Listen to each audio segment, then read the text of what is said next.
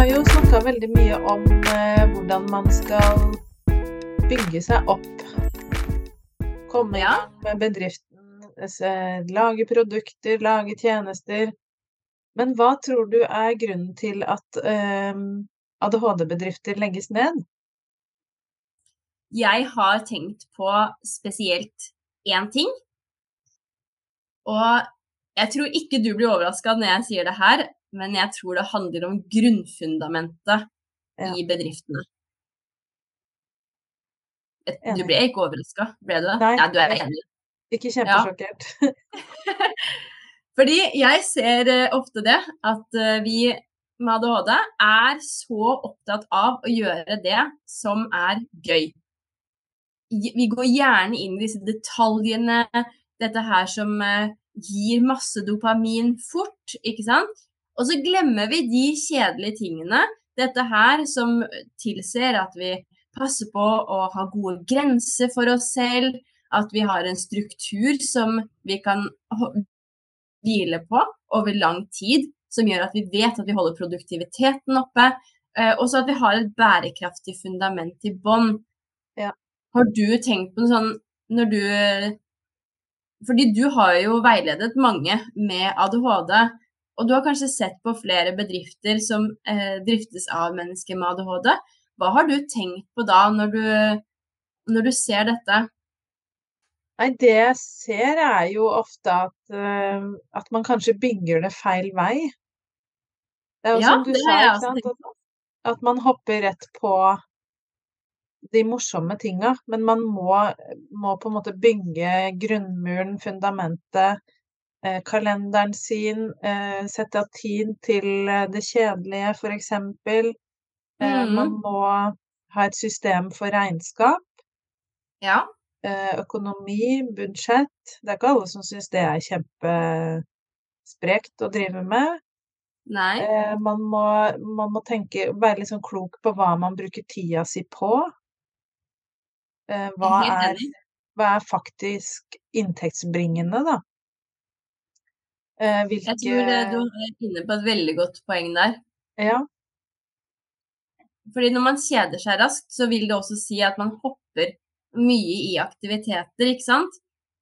Men hvis man aldri klarer å gjøre noen ting ferdig, mm, ikke sette grenser, ikke ta gode valg for en selv, så vil det jo aldri bli noe som faktisk er ordentlig gjennomført. Da Mm. kan det være at man f.eks. starter opp et, eh, et helt nytt kurs, og det kurset, da har man gått rett inn i detaljene på hvordan dette kurset skal se ut.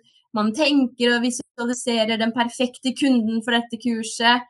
Og så vet man ikke hvordan man skal markedsføre kurset. Man har ikke på plass hvor mye trenger jeg å få i inntekter eh, for at dette kurset skal være eh, lønnsomt for meg, så at jeg kan drifte denne bedriften i lang tid fremover.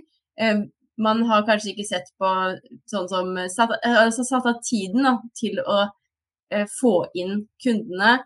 Relasjonsbygging. Hvor mye er det man Hvis man driver gjennom sosiale medier, hvor mye må man poste for å, å vise frem produktet? eh, hvordan selge opp, og hvordan selge ned i Ja. ulike produkter. Hva er det du egentlig har å tilby? Ja. Jeg tror det er veldig mange som gir fryktelig mye av seg selv uten å ta betalt for det. Ja, og det litt sånn kort oppsummert, det du sa nå også handler jo om hvilken strategi har man. Det her er Ja. det mange som snakker om, ikke sant. Hva er um, det, Å tenke litt helhetlig, da. Eh, Hvem Mm. er jeg? Hva er det, hva er mine verdier? Hva er det jeg ønsker å bidra med? Hva er det jeg ønsker at kundene skal oppnå? Og så må jo markedsføringa og produktene, alt skal jo henge sammen med alt. Ja. Og det tenker jeg er et godt fundament hvis man tar seg tida til eh, å liksom bygge den grunnmuren og finne litt ut av de tinga, og så eh, sørge for at det gjennomsyrer alt man gjør videre, så ikke man sporer av der, da. Det er jo litt sånn kanskje, kanskje et eksempel jeg har sagt før, men det, det var en eller annen jeg fulgte, husker ikke hva det var, men, eh, men det, jeg tror det var noe Canva-greier. En eller annen sånn Canva-ekspert, ikke sant, som, som Mm. som hekta meg på ved en reel, tror jeg, og så plutselig kom det masse masse innlegg i Story og, og, flere innlegg om det var så fint på hytta, og så var det noe oppussing, og så var det Jeg bare Nei, nei, nei. Det var jo ikke det her jeg Og da mister du meg. Ja. Fordi jeg trodde det var en Canva-ekspert, og så var det egentlig en livsstilsgreie, og det var ikke det jeg Det er helt greit, det, men det var ikke det jeg var på utkikk etter. Nei. Så det å være liksom bevisst på, som sagt, at alt henger sammen med alt, da, det tror jeg er veldig klokt. Ja, helt enig. Og, her, og jeg har jo tenkt mye på uh, dette med å At ting er tilgjengelig. At man har en god f.eks. hjemmeside. Dette her også er en del av dette grunnfundamentet som bør være på plass. At folk finner frem til de produktene du har. At du kjenner godt til hva det er du ønsker å gi ut. Og at kanskje ting eh, du selger, er såpass eh, laget ut fra ditt verdisystem at du kan lage det om og om og om igjen uten at du faktisk går lei av det selv også. Mm. Og da er det viktig at man uh, følger denne altså Hvis man er i sosiale medier, da, f.eks., så følger man sin egen konto. At det produktet man selger ut, det er det som blir gjentatt, sånn at andre også forstår hva det er du selger. Ja. Ja, og det er jo litt som vi har snakka om før, eh, det her med å gjøre det lett for seg sjøl, da. Mm. Eh, og legge til rette for at man har den grunnstrukturen og, og tanken med bedriften sin. Og så eh, er det jo lurt å ha For det er jo det vi snakka om i forrige episode, det her med dopaminjakt og det å, å liksom, mm. kose seg med å drodle med nye ideer. Ja. Eh, men, ikke, men, ikke, la seg avspore, sånn at man f.eks. setter av et sted eller tid til det, og lar seg få lov til Altså, la seg gjøre det. Men kanskje notere det et sted, da, og så kose seg med mm. det en viss tid. Og så må man faktisk tilbake igjen til den grunnmuren. Og der jeg... kommer vi inn på struktur gjennom kalender. Ja. Altså bruke blokksystemet. Ja. Som gjør at du vet at i dette vinduet så kan du gå rett inn i hyperfokuset. Da setter du på en alarm. Vær så god, da kan du drive med det som er virkelig, virkelig gøy. Men så må man sette av en time eller to til å gjøre ting som ikke er så gøy, men som er viktig for å lage et uh, godt fundament.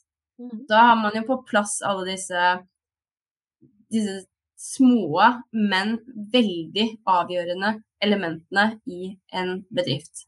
Mm.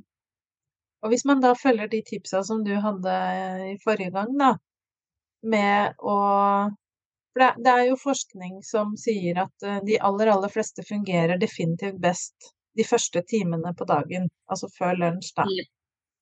Um, og hvis man da gjør seg noen tanker om at, uh, sånn som jeg f.eks. har regnskapsfører som bilagsfører for meg hver onsdag, det vil si at mm-hmm. hver tirsdag må jeg inn og sjekke at jeg har lagt inn alle bilag. Eh, så det er jo en sånn ting som, som jeg blokker ut tirsdag formiddag til. For da veit jeg at da har jeg overskudd til det. Eh, jeg mm. veit at det må gjøres, eller så må jeg faktisk betale penger for at regnskapsføreren min skal fortelle meg at det mangler noe. Ja. Da betaler jeg timer for at hun skal sende meg en mail og purre på hvis jeg ikke har det her. Og det er ikke bærekraftig over tid. At jeg betaler Absolutt. både for at hun skal gjøre jobben, og for at hun skal purre på at jeg skal gjøre jobben min. Veldig godt poeng. Ikke sant? Være i forkant. Være i forkant. Og, og, ha en struktur på det, og ja, legge det inn i kalenderen. Veldig, veldig smart. Man sparer penger på det òg, vet du. Ja. ja. Det, da, da, begynner vi å snakke. Ja. Så vårt aller beste tips i dag, det er at hvis du skal bygge en bedrift, hvis du skal være en gründer med ADHD, ikke gå for et skranglete fundament. Kom igjen! Ja. Sett på plass dette her gode, den gode strukturen og det bærekraftige fundamentet, sånn at dette her blir en bedrift som man kan drive lenge med. Ja. Da blir det mer gøy. Da blir det gøy.